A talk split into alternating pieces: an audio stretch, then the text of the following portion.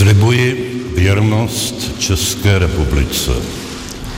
Slibuji, že budu zachovávat její ústavu a zákony. Takhle skládal svůj prezidentský slib před deseti lety Miloš Zeman. Jak jeho éru hodnotí dva politici, kteří k němu měli nebo stále mají blízko? Přistupoval Miloš Zeman správně k udílení milostí? Ctil ústavu, když se pokoušel o posun k prezidentskému systému? Byl Pražský hrad za Zemana, jak slíbil, neutrálním polem pro dialog? Byla úspěšná jeho ekonomická diplomacie vůči Číně? A jak zpětně hodnotit Zemanův postoj k Rusku? Pro a proti Lukáše Matošky.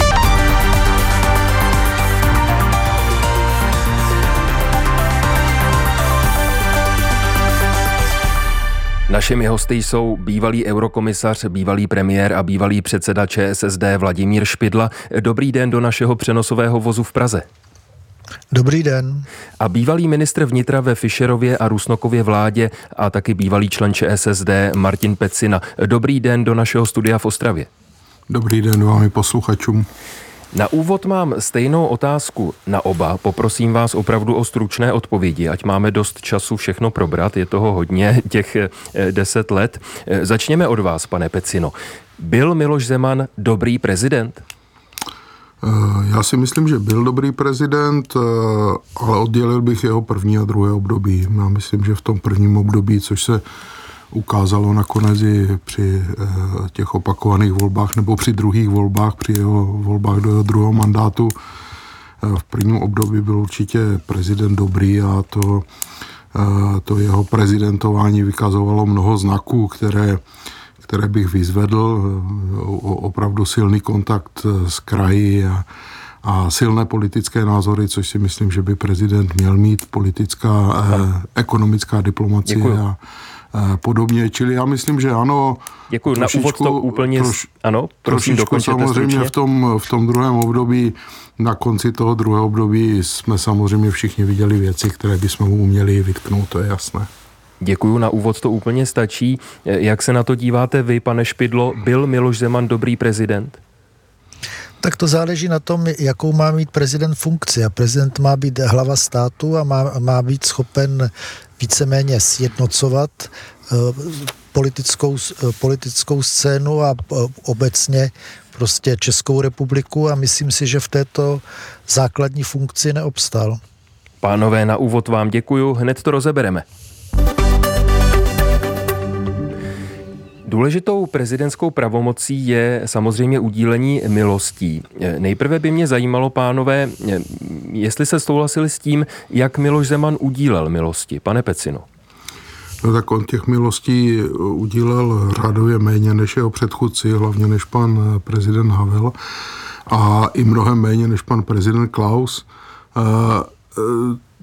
to, co bych mu asi vytknul, byla ta úplně poslední milost, protože to si myslím, že bylo zbytečné. Te... Tedy myslíte eh. milost, eh, kterou udělil firmě Energie stavební a báňská, Určitě. Eh, které soud na tři roky zakázal účast ve veřejných zakázkách v kauze ovlivňování zakázky v Lánské oboře? Určitě, to si myslím, že bylo zbytečné. Samozřejmě ta předposlední milost, to znamená panu Balakovi, ve stejné to kauze. Si, mhm. no, ve stejné kauze, to si já vysvětluju tak, že prostě pan prezident byl přesvědčen o tom, že pan Balák je souzen jenom proto, že pracuje pro prezidentskou kancelář.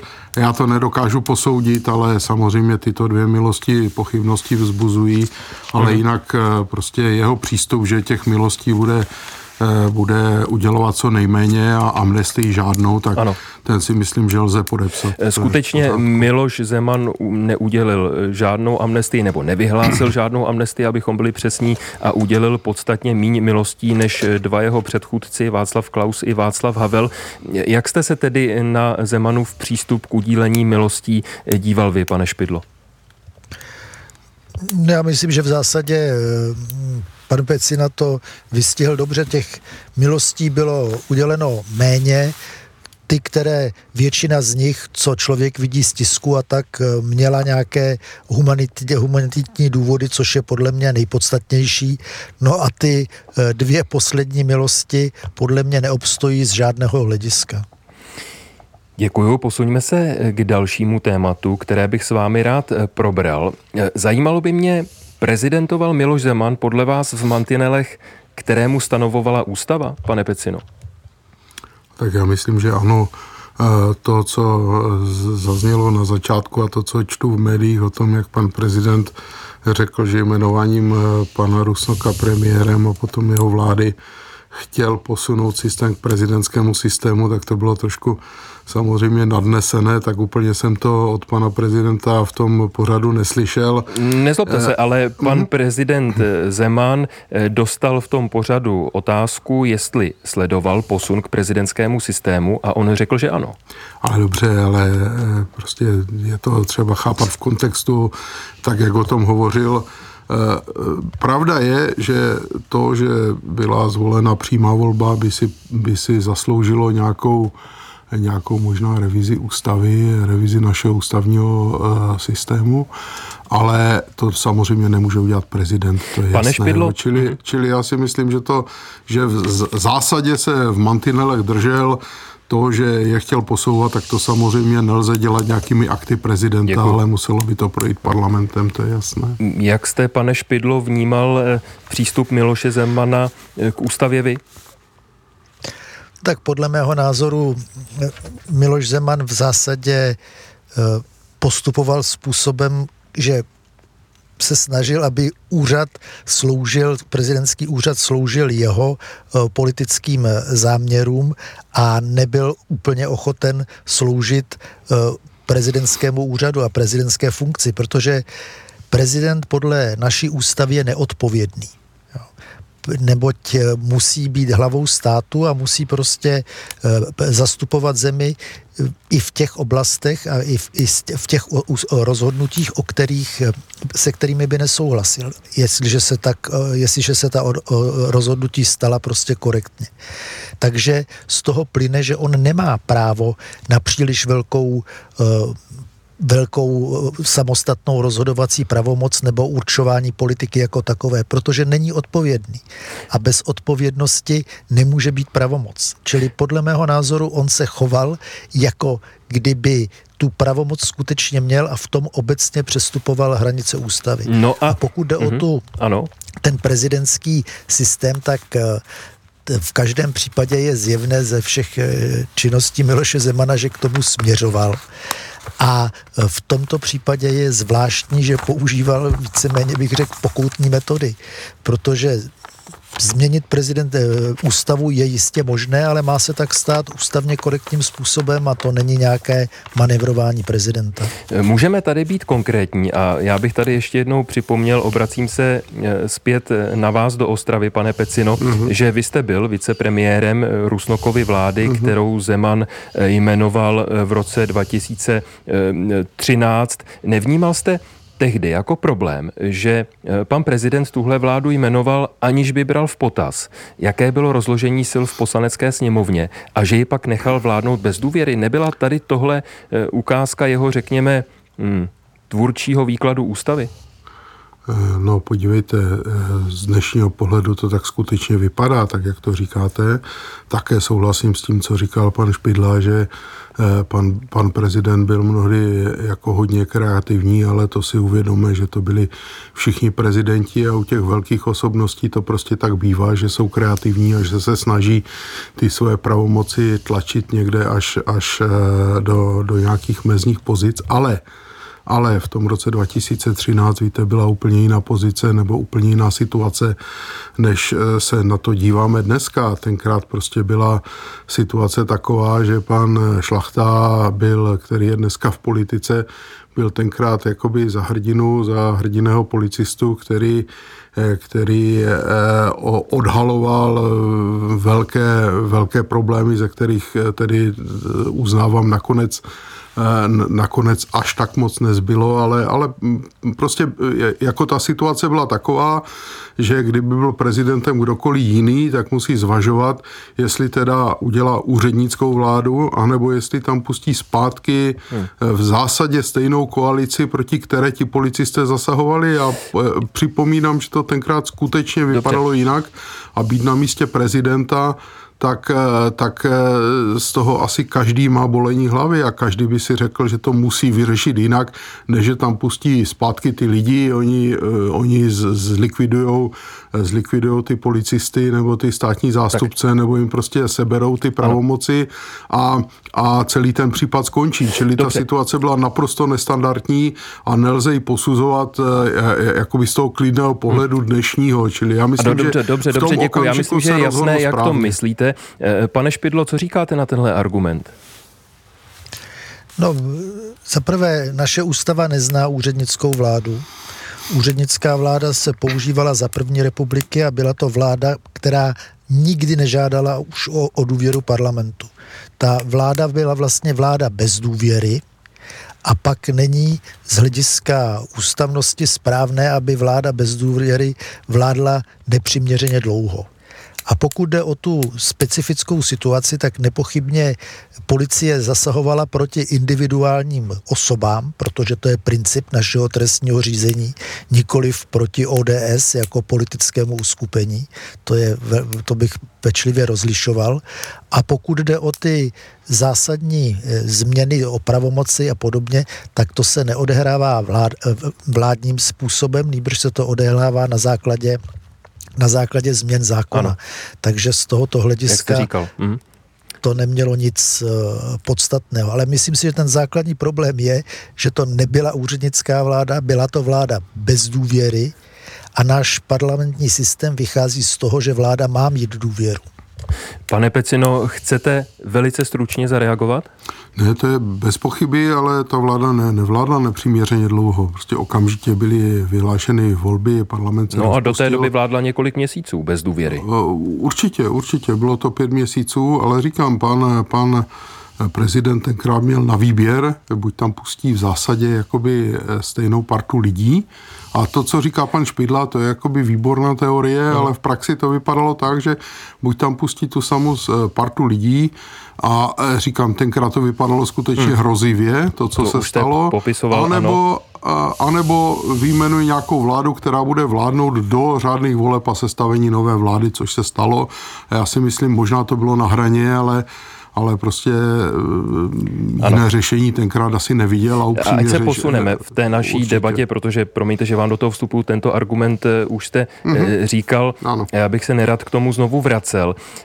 Pane Špidlo, zazněl tady ještě vlastně jeden argument ze strany pana Peciny. Já ho teď budu parafrázovat v otázce. Nevyplývala ta snaha Miloše Zemana posílit svoje prezidentské pravomoci z toho, že byl prvním přímo zvoleným prezidentem, který měl tedy velký mandát přímo od voličů?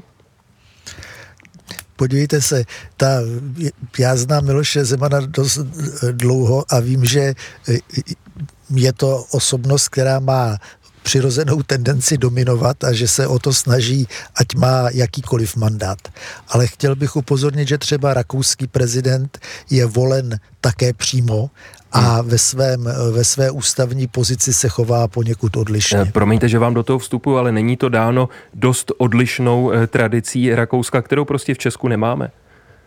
Ale samozřejmě, že tradice eh, eh, hrajou v každém politickém systému roli, ale to, že je prezident volen přímo automaticky neznamená, že má vyšší mandát než poslanecká sněmovna, která je volan, volena na základě přímých hmm. a rovných eh, voleb. Tomu rozumím, ale neočekávají voliči od prezidenta, kterého si přímo zvolili, že bude zasahovat do většího množství věcí, než do kterého zasahovali jeho předchůdci, kteří nebyli voleni přímo. Někteří to očekávají, někteří to neočekávají. Ale když se podíváte na prezidentství Václava Klauze, tak nepřímo zvolený prezident se také velmi usilovně snažil rozšiřovat své pravomoci a upozorním třeba na to, že roky nepo, nepodepsal uh, Lisabonskou smlouvu, která byla schválena všemi ústavními eh, orgány. Připomenu, že hosty dnešního Pro a Proti, ve kterém hodnotíme 10 let prezidentství Miloše Zemana, jsou bývalý premiér a bývalý předseda ČSSD Vladimír Špidla a bývalý ministr vnitra a bývalý člen ČSSD Martin Pecina. Posloucháte Pro a Proti. Dva hosté, dva různé pohledy. Atraktivní názorové střety najdete také na webu plus.rozhlas.cz v aplikaci Můj rozhlas a v dalších podcastových aplikacích.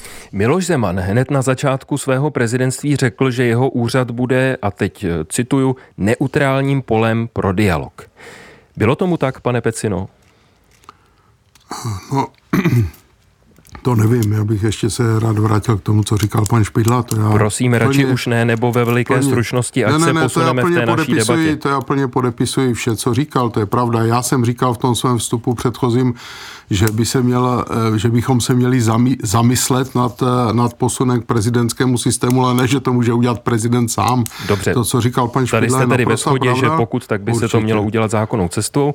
A teď k té mojí otázce, eh, jestli se Milošovi Zemanovi dařilo dělat Pražský hrad úřadem, který byl neutrálním polem pro dialog. Ne, to určitě, to se určitě nedařilo ale není to jenom jeho vina. Jo. Jako já si myslím, že eh, víte, když se dostane eh, jistá část eh, politického spektra k moci, tak ta společnost je vždy rozdělená a naopak, když se když se dostane ta opačná, tak to rozdělení není tak patrné, ale není to, není na vině, není na vině ta část, o které se teď bavíme. Jo. Prostě s panem prezidentem Zemanem je samozřejmě složité diskutovat, nebo bylo složité diskutovat, ale v té první, v té první eh, části, v tom prvním období svolával eh, různé týmy a my jsme se i s ním scházeli a, a myslím si, že se komunikaci snažil držet i, i třeba, já nevím, s hospodářskou komorou, s odbory, uh-huh. byli všichni členové toho jeho týmu ale ta opačná část toho, té, té, té společnosti, ta druhá půlka té společnosti, ta eh, prostě komunikaci vždy ano. odmítala a vždy odmítat bude, když to opačně. To je, to je tedy je... váš pohled. Mm-hmm. Mm-hmm. Pane Špidlo, jak se eh, dařil Miloši Zemanovi dialog podle vás? Tak já jsem, samozřejmě, že se můžu mílit a snažím se vzpomenout nějaký příklad významného společenského dialogu, který Miloš Zeman moderoval a na žádný si nevzpomínám. Čili usuzuji z toho, že... Ani, ani na jeden tato, si nevzpomenete? No, vy, vy ano, který byl nějaký opravdu významný, významná politická záležitost, kterou Miloš Zeman moderoval. Pokud jde o jeho poradní týmy, tak to je jiná věc. To byl poradní tým prezidenta, který mu měl umožňovat mít přehled a sformulovávat nějakou, nějakou politiku, ale to nebyl prostor neutrálního dialogu. Takže myslím, že z, toho důvodu, z tohohle hlediska ta úloha ten příslip, který Miloš Zeman vyjádřil, naplněn nebyl. Pánové, protože bych rád s vámi stihnul probrat ještě dvě důležitá témata Zemanova prezidentování, tak vás teď poprosím o stručnější odpovědi. Miloš Zeman během svého prezidentství taky zdůrazňoval, jak je pro něj důležitá ekonomická diplomacie. Byl v tomhle ohledu úspěšný, pane Pecino? No, já myslím, že se minimálně snažil. Teď eh, máme samozřejmě vztahy na, na východ naprosto narušeny na dlouhou dobu a podle mě do, třeba s Čínou zbytečně, ale pan, pan prezident Zeman se to minimálně snažil a zpočátku to určitě mělo i pozitivní efekty, ale dneska je ta jeho snaha eh, v zásadě zlikvidována, čili dlouhodobý efekt to nemá žádný. Pane Špidlo? Ne, já také, já souhlasím s tím, že Miloš Zeman ve své snaze vytvořit nějaké zvláštní vztahy s Čínou a s Ruskou federací eh, zcela, eh, zcela se stroskotal, to, to se prostě nepovedlo a myslím si, že to je dané i tím, že on eh, dobře neodhadl vlastně význam, který má pro takovéto státy. Já měl příležitost jednat v Číně a rozhodně aby s námi vytvářeli nějaké mimořádné vztahy, to je velmi složité. A žádné investice nebo zřetelné investice, které by měly smysl, to nepřineslo. Takže ano, snažil se, ale posuzuje se podle výsledků. Můžeme tady zmínit to memorandum o spolupráci, které bylo podepsáno za Miloše Zemana, mělo přinést investice a obchody dohromady za 230 miliard korun tedy memorandum mezi Českem a Čínou. Eh, nakonec eh, z toho byl ale jen zlomek. Eh, co vy na to, pane Pecino? Prosím vás, je to hlavně samozřejmě o českém vývozu do Číny a ten, a ten rostl. Tam úspěchy bez zesporu byly. Já pracuji ve firmě, která má v Pekingu pobočku, akorát ta pobočka od doby, co jsme začali se velmi bratřit s Tajvanem, tak v podstatě nefunguje, protože nás ti Číňani úplně odřízli. Ale Dobře, ale bylo to, bylo to i o těch investicích čínských v Česku a, a z těch se nakonec tolik nerealizovalo. Souhlasím, souhlasím to bylo asi, asi jakoby přehnaná očekávání, ale ten export do Číny normálně fungoval a dneska umírá a podle mě je to hrozná škoda, je to úplně zbytečné a tam se panu prezidentovi rozhodně, hmm. rozhodně dařilo. Já jsem tam tak. byl s ním několikrát v Číně a říkám, my jsme do Číny prodávali, Škoda Auto do ano. Číny prodávala PPF, eh, v, v Číně fungovala a dneska tomu prostě Rozumím. bude konec. Eh, pane Špidlo, pane Špidlo, eh, s tím byste souhlasil, Česko je ekonomika orientovaná na export, tak nebylo dobře, že se právě na to Miloš Zeman soustředil? Ale náš export je důležitý a zabývat se eh, různými exportními územími má smysl, ale obchod, přímý obchod s Čínou byl vždycky velmi okrajový a pokud jsme měli výraznější obchod s Čínou, tak to bylo vždycky přes třetí země prostřednictvím, prostřednictvím prostě eh, výrobků, které prosazovali jiní finalisté. Hmm. Takže ano, eh, ale uvědomme si, že daleko větší třeba rozsah obchodu máme než s Čínou nebo Ruskou federací jsme vždycky měli s Afrikou a tam jsem žádnou iniciativu Miloše Zemana nezaznamenal. Eh, pojďme dál. Eh, bylo správné, jak se Miloš Zeman během svého prezidentství stavil k Rusku, pane Pecino? No, eh, já myslím, že zpočátku určitě. Samozřejmě dnes ta situace je, je napjatá, ale já nevidím důvod, proč by alespoň na začátku svého mandátu mě, jsme měli mít jsme měli mít nějaké nepřátelské vztahy s Ruskem. Rusko je významný obchodní partner a, a byl tedy významný obchodní partner, možná už do budoucna nebude, ale, ale, ale určitě eh, prostě pro řadu firm to bylo i velké odbytiště a, a pro naši ekonomiku to určitě bude velká ztráta. To se samozřejmě změnilo zahájením ruské invaze na Ukrajinu, jak jste řekl, a Miloš Zeman od té doby už eh, nijak ekonomickou spolupráci s Ruskem neprosazuje. Nicméně ještě předtím, ještě před rokem a pár měsíci eh, ji eh, prosazoval. To jste, pane Pecino, nepovažoval za problematické, když tady byla třeba i varování českých tajných služeb před ruským režimem? Ne, to jsem nepovažoval za problematické. Pane Špidlo? Tak eh, v zásadě se dá říct, že Miloš Zeman se obdobně mýlil jako eh, například eh, spolko, Německá spolko, spolková republika a podobně, takže z toho nějak zvlášť ne, nevybočoval. Chtěl bych potrhnout, že obchod s Ruskem je nepochybně důležitý, ale jestli se nemýlím, tak nikdy nepřekračoval 5%, čili je to záležitost, kterou nemůžete hodit pod stůl, ale není to tak eh, zásadní.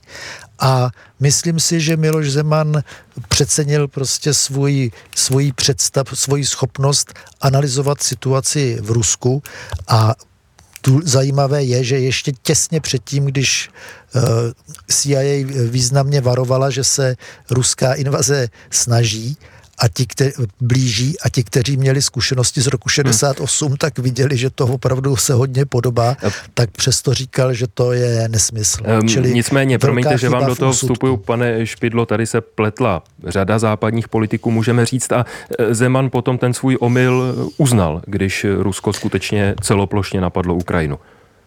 To ano, to je, o tom nepochybuju, ale prostě prokázal značnou chybu v úsudku prostě nepochopil eh, dynamiku re- režimu v současné Ruské federaci. Našimi hosty v Pro a Proti, ve kterém jsme se ohlíželi za deseti lety prezidentování Miloše Zemana, byli bývalý eurokomisař, bývalý premiér a bývalý předseda ČSSD Vladimír Špidla a taky bývalý ministr vnitra ve Fischerově a Rusnokově vládě, bývalý člen ČSSD Martin Pecina. Pánové, oběma vám děkuji za zajímavou debatu. Děkuji, nashledanou. Nashledanou. A od mikrofonu se loučí Lukáš Matoška.